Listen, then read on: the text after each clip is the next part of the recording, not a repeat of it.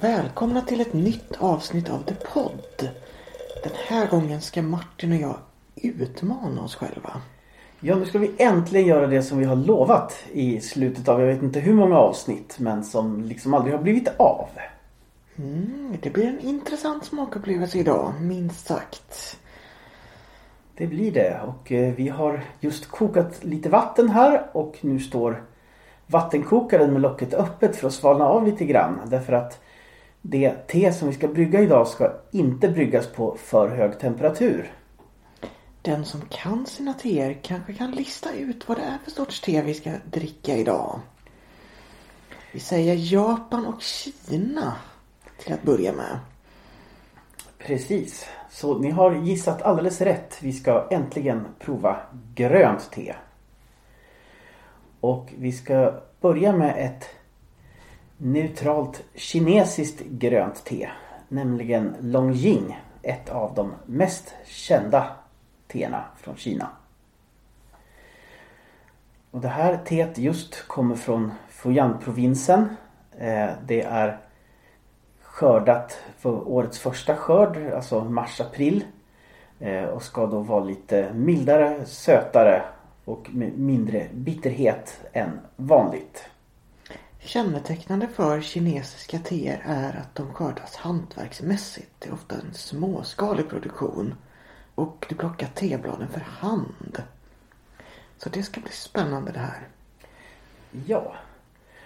Och det är en viss skillnad också i hur kinesiskt och japanskt grönt te tillverkas. Eh, de kinesiska teerna rostas i någonting som liknar en wokpanna. Medan de japanska teerna brukar ångtorkas och det ger väldigt skilda karaktärer. Och de kinesiska teerna har ju ofta en ganska tydlig rostad ton som vi kanske ska få se här så småningom.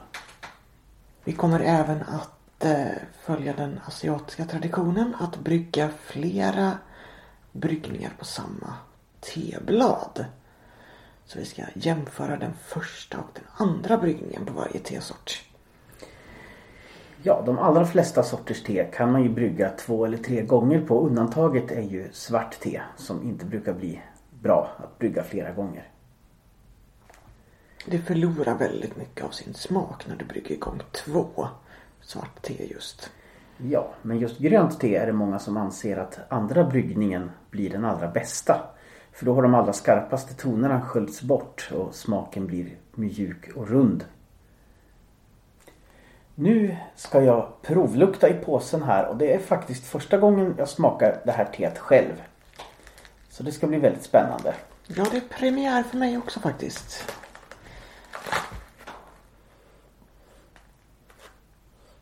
Ja, jag tycker att doften har ganska mycket sötma men med en omisskännligt rostad ton. Eh, som jag... Jag skulle nog inte ta fel på att det här var ett grönt te om jag provluktade det och inte visste. Det luktar fräscht. Det luktar vår tycker jag. Och rostat, nästan lite bränt. Så det är en motsägelse där med fräscht och bränt. Spännande. Ska jag börja lägga in lite teblad här i min tepyramid som jag har idag. Stora blad är det här i det gröna teet. Riktigt stora blad. Ja, de kinesiska teerna kan ofta ha väldigt konstfärdigt eh, formade blad. Eh, ett berömt exempel är ju de som i västvärlden kallas för gunpowder men som kineserna själva kallar för pärlte. Eh, som är små runda kulor som bladen knutits ihop till. Och det finns även många andra former, alltså spiralformer till exempel som, som bladen knyts ihop till. Det finns även alltså verkliga tekonstverk när man knyter ihop eh, stora kulor som när man lägger dem i ett glas vecklar ut sig till konstfärdiga blommor. Eh, som är där teet då är lika mycket en, en fin dekoration som en smakgivare. De här tekonstverken är populära att ge bort som presenter till exempel vid bröllop. Då finns det ett te som är format som en fjäril som tydligen passar extra bra till de nygifta. Ja. Jag ska säga också på en gång att vi kommer inte att gå igenom alla gröna tesorter så väldigt noga. Eh, utan vårt fokus ligger framför allt på att eh, provsmaka och dela med oss av våra egna intryck. Utan för den som vill fördjupa sig så vill vi gärna hänvisa till boken Te av Peter Bjerke och Maurice Vernon. Ja, det här var väldigt stora blad och platta blad dessutom. De känns inte riktigt så spröda som svarta teblad kan göra utan lite mer robusta. Ja. Och det här har jag sett lite olika uppgifter på vilken temperatur man ska brygga på. Jag har sett eh, på ett ställe 70 till 75 grader och på ett ställe 75 till 80 grader. Men gemensamt är ju att det inte ska bryggas på för hög temperatur i alla fall så att man skållar bladen. Och en grundregel till te är ju att eh, ju ljusare färg det är på bladen ju lägre temperatur på vattnet ska man använda. Och här är ju ganska ljusa blad då. Ja. Speciellt jämfört med det svarta teet så är det ju en tydlig färgskillnad åt det ljusare hållet här med grönt te. Det kommer vi att märka även när vi häller upp teet sen att det blir inte lika mörkt som en kopp med svart te då. Ja, och nu kommer jag och fyller på vatten åt dig också. Härligt, snart så får vi te.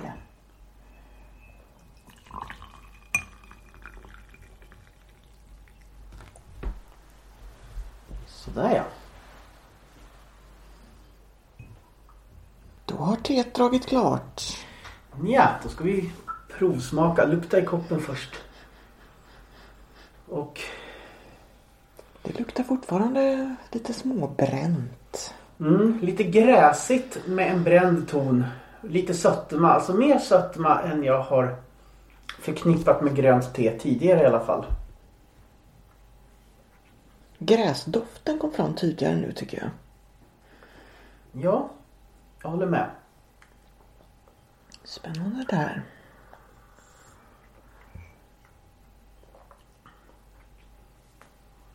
Ja.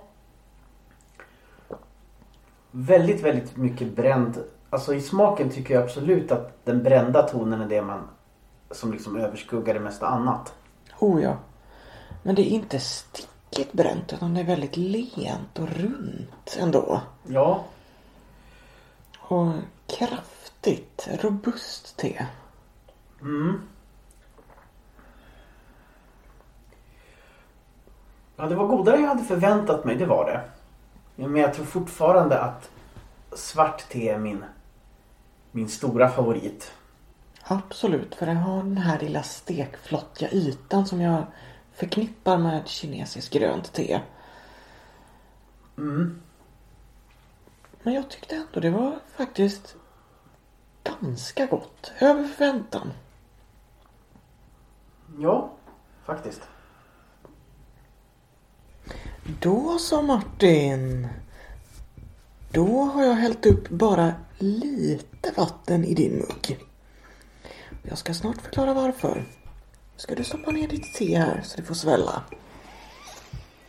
Nu skulle vi egentligen haft tebladen lösa för att det här ska fungera. Då kan vi nämligen se hur tebladen vecklar ut sig. Det kallas för att de dansar i vattnet. Nu skulle jag ha hällt upp tre gånger i din kopp och lyft kannan högt när jag hällde för att göra en så kallad fenixhälsning. Ja, och då skulle jag ha knackat tre gånger i bordet med pek och långfingret istället för att säga tack. Vi avstår från fenixhälsningen för locket på Martins vattenkokare har ramlat av nämligen. Ja, då kan det bli lite fatalt att eh, lyfta kannan för högt när man ska hälla. Men det är tydligen en speciell ritual förknippad just med Longjingteet som vi dricker nu det här. Ja, den här andra bryggningen gav ljusare te än den första. Mm. Så det kommer att bli lite svagare nu misstänker jag. Ja, nu tar jag ur min tekula och så ska jag smaka här på den andra koppen. Mm. Betydligt mildare och behagligare tyckte jag faktiskt. Alltså, jag tror nästan jag kan hålla med om att det här blev eh, bättre andra bryggningen. Lite blekt blev det men sötman överskuggar eh, bäskan den här gången betydligt mer än förut. Vilken skillnad! Mm. Smakar inte alls lika bränt längre. Nej. Ja, det var en verklig, verkligen en påtaglig skillnad. Mycket mildare och rundare. Ja, det här var en positiv överraskning faktiskt. Ja. Ja, men det lyfte teet till en annan dimension här faktiskt, andra bryggningen, måste jag säga. Det är riktigt intressant hur kanterna liksom filades bort. Mm, ska jag börja med att betygsätta vårt kinesiska te då? Ja. Då skulle jag säga att bryggning 1 blir en... Ja, 2,5 kanske. Nej, det blir nog faktiskt bara en 2. Mm. För det var för mycket flott och för mycket bränt. Nej. Eh, jag hade tänkt mig först en överkorsad tekopp när jag hörde talas om det neutrala gröna teet. Tänkte jag att uff, hur ska detta gå? Så en tvåa här är faktiskt ett ganska bra betyg för ett neutralt grönt te från min sida. Vad säger du om bryggning 1? Eh, jag ger också en tvåa åt bryggning 1. Det var drickbart men ingenting jag känner att jag längtar efter att dricka. Sådär. Så att nej. Eh, jag ger samma betyg som du. Jag ger en tvåa jag också. Däremot bryggning 2 var jag faktiskt imponerad av vilken skillnad det blev när bäskan försvann. Så den seglar upp till en stark trea. Mm, jag är nog bara en vanlig trea. Alltså det var okej. Mycket godare än bryggning 1. Men i gengäld lite brist på kropp i smaken istället. Alltså lite blaskigt sådär. Så att en, en neutral trea får det av mig. Ja, nu sitter vi här med sushi framför oss. Som vi ska eh, smörja kråset med. Och det har en alldeles speciell förklaring. Nämligen att vi ska prova ett japanskt grönt te som passar väldigt bra att dricka till stark mat. Det här ska bli jättespännande för det här teet innehåller nämligen rostat ris. Ja. Eh, Genmaisha är alltså baserat på ett eh, sencha eller i vissa fall bancha te Men den här gången var det ett sencha te. Eh, som man då har blandat rostat ris i.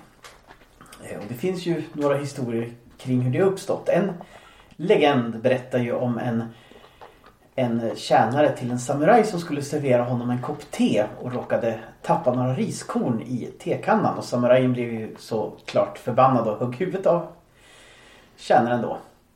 Eh, men sen smakade han på teet och tyckte att det var väldigt gott och eh, då döpte han det till Genmaisha som tjänaren hette. Eh, Och den andra, kanske lite mer troliga förklaringen är att det var ett sätt för husmödrarna att kunna dryga ut eh, det dyra teet helt enkelt genom att blanda ut det med rostat ris. Och lukten är väldigt, väldigt mild. Alltså det luktar nästan ingenting alls. Jag känner lite, lite, lite sötma bara. Men som sagt väldigt mild. Oj, det var verkligen nästan doftlöst. Mm. Ja, men lite sött. Jag hade väntat mig att det skulle lukta lite hav. För att japanska teer de ångas. Till skillnad från de kinesiska då som ja, rostas i en wokpanna. så ångas de här. Och det gör att du behåller väldigt mycket av näringsämnen och vitaminen och sådär i teet när du ångar det tydligen. Mm. Ja, nu ska vi se om vi kan fylla på pyramiden här då. Ja. Mindre blad än i det kinesiska. Inte lika spetsiga avlånga blad heller som i det kinesiska. Här var verkligen små riskorn ja. Mm. Det här ska bli så spännande. Det är ett te som jag har hört talas om innan och är nyfiken på. Ja, jag har också varit väldigt nyfiken på det och när vi skulle välja teer och prova så funderade jag, ska vi ta ett liksom vanligt sencha-te som är det man mest förknippar med Japan eller det som är liksom det vanligaste. Men så tänkte jag, nej jag ska ta någonting som jag är lite mer nyfiken på istället. Mm, det är jag glad för. Och just det här teet kommer då från Kakegawa Shizuoka i Japan. Men så vitt jag förstår så tillverkas eh, Genmaisha över i princip hela Japan. Det är ju skillnad på produktionen av te i Kina och i Japan. I Japan är det en mer industriell produktion och du plockar teet med hjälp av maskiner i många fall. De riktigt exklusiva teerna i Japan de plockas dock för hand.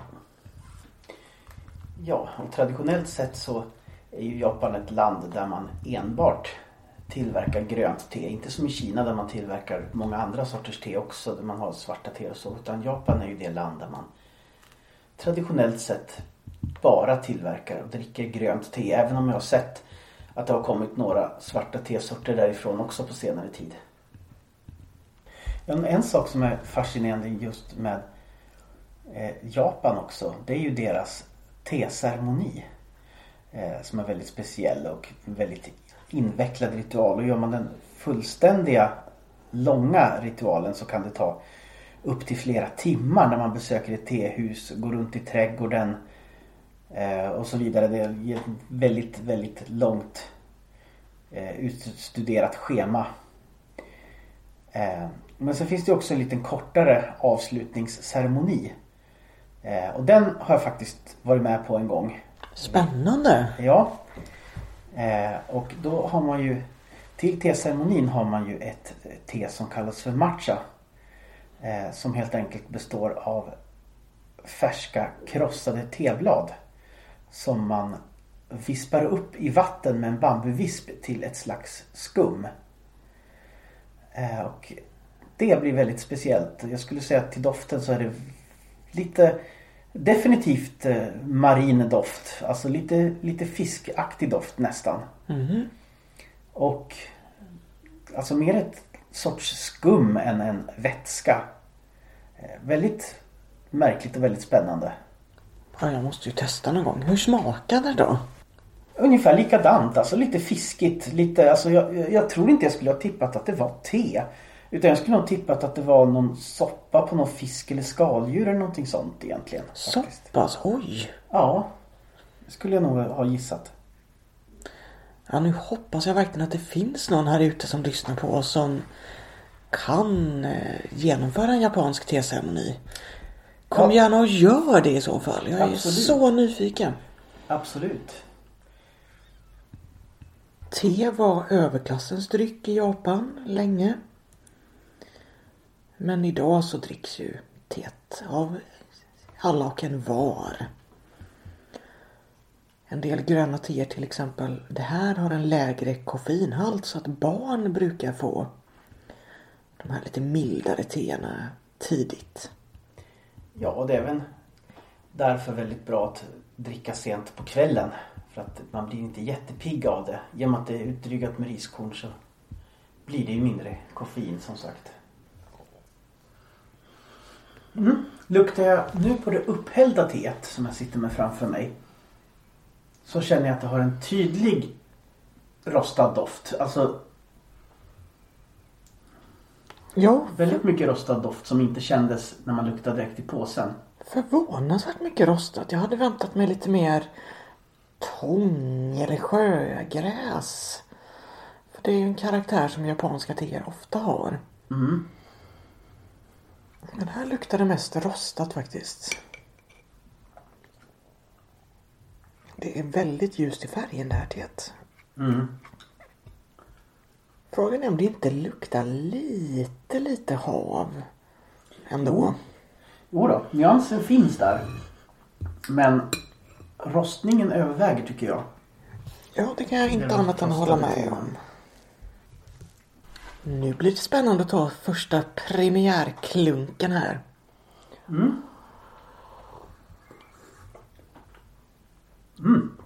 Det här blir jag faktiskt positivt överraskad av. Märkligt men ändå gott. Mm. Mer komplext än vad jag trodde att det skulle vara. Jag hade Mm. tänkt mig någon lite mest bränt från riset där. Men det Mm. var lite lite havstoner, lite tång, lite bränt. Mm. Inte, inte bränt, mer rostat. Ja, det har ju en tydlig rostad ton också men den är liksom inte lika aggressiv som i det kinesiska teet. Nej, Utan den är ganska mjuk och mild liksom. Och harmonierar bra med tekroppen så att säga. ja det här var faktiskt välbalanserat. Jag trodde inte att det skulle vara det. Nej. Det är nästa steg då att se hur det passar ihop med en sushibit. Mm, spännande. Det gifter sig riktigt bra i munnen. Här var en bit med tonfisk i tror jag. Ja, Ja, perfekt. Alltså ja. Ja, jag tycker det lyfter till en ny nivå faktiskt. balanserade verkligen upp sushismaken. Mm. Och teet, de var riktigt bra matchning här. Ja. Och jag läste också att tydligen är det stor skillnad att dricka eh, sencha eller genmaisha till, till sushi. Eh, just till, till bitarna med rå fisk. Därför att om man dricker sencha så lyfter det tydligen fram fisksmaken medan man dricker genmaisha så mildras smakerna. Då skulle vi haft sencha här egentligen. Ja, det hade varit intressant. Men det experimentet får vi kanske anledning att göra någon annan gång. Sushi är ju gott, så varför inte?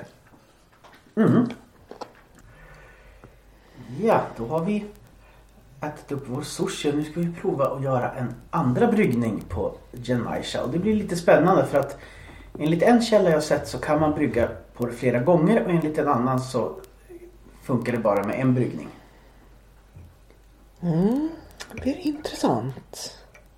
Se om boken Te har rätt eller om det är tebutikens hemsida som har rätt. Ja, jag köpte ju det här från eh, The Tea Center av Stockholm. Eh, thetcenter.se. En jättebra butik om man vill köpa eh, allt från enklare smaksatta teer till lyxiga teer som inte kostar allt för mycket. Sådär.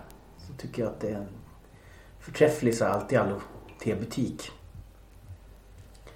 Ja, jag tycker faktiskt att det luktar rostat även i andra koppen. Håller med, det luktar fortfarande rejält rostat. Inte lika mycket hav dock, mer bara ren rost. Ja, rosten tog ännu mer överhand i ansmaken också på andra koppen. Nu försvann balansen nästan i teet tycker jag. Nu blev det slagsida åt rostningen. Ja, nej första bryggningen var absolut bäst, det måste jag säga. Även om det här absolut går att dricka det också. Temperaturmässigt så är det ganska idealiskt nu för nu har det hunnit svalna ännu mer i koppen. Så nu kommer verkligen smakerna fram. Så grönt te tjänar på att inte vara i för varmt vatten.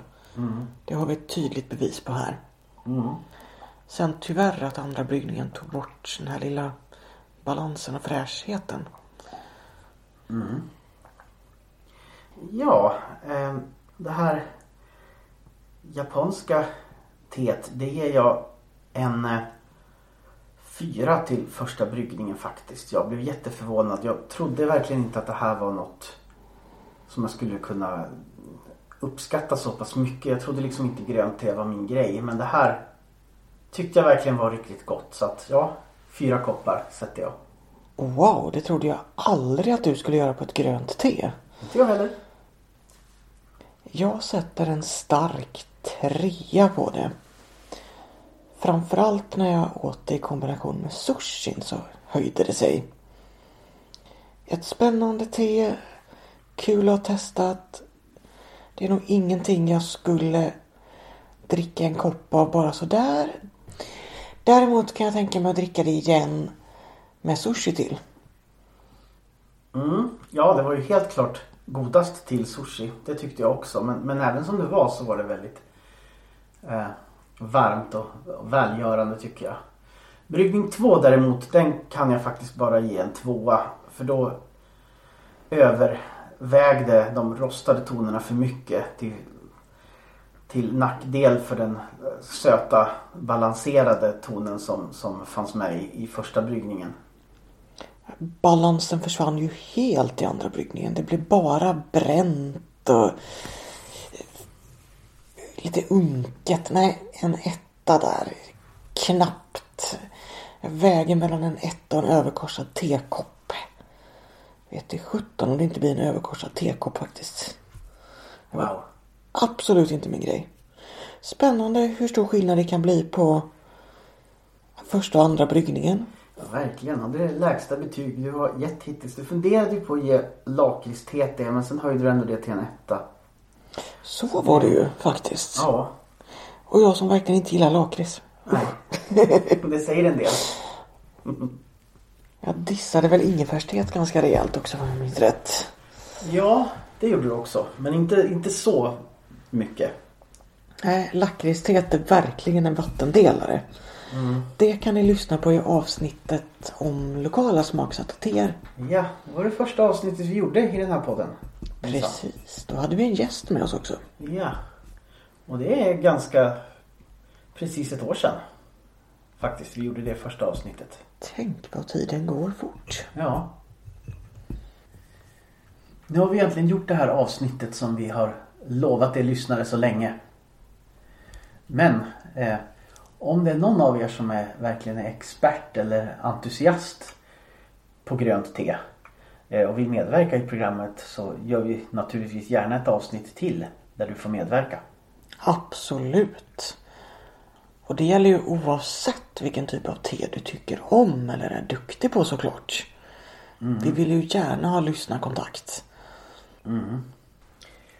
Och om du vill kontakta oss så kan du mejla oss på thepod at outlook.com. Och thepod är ett ord och stavas med th.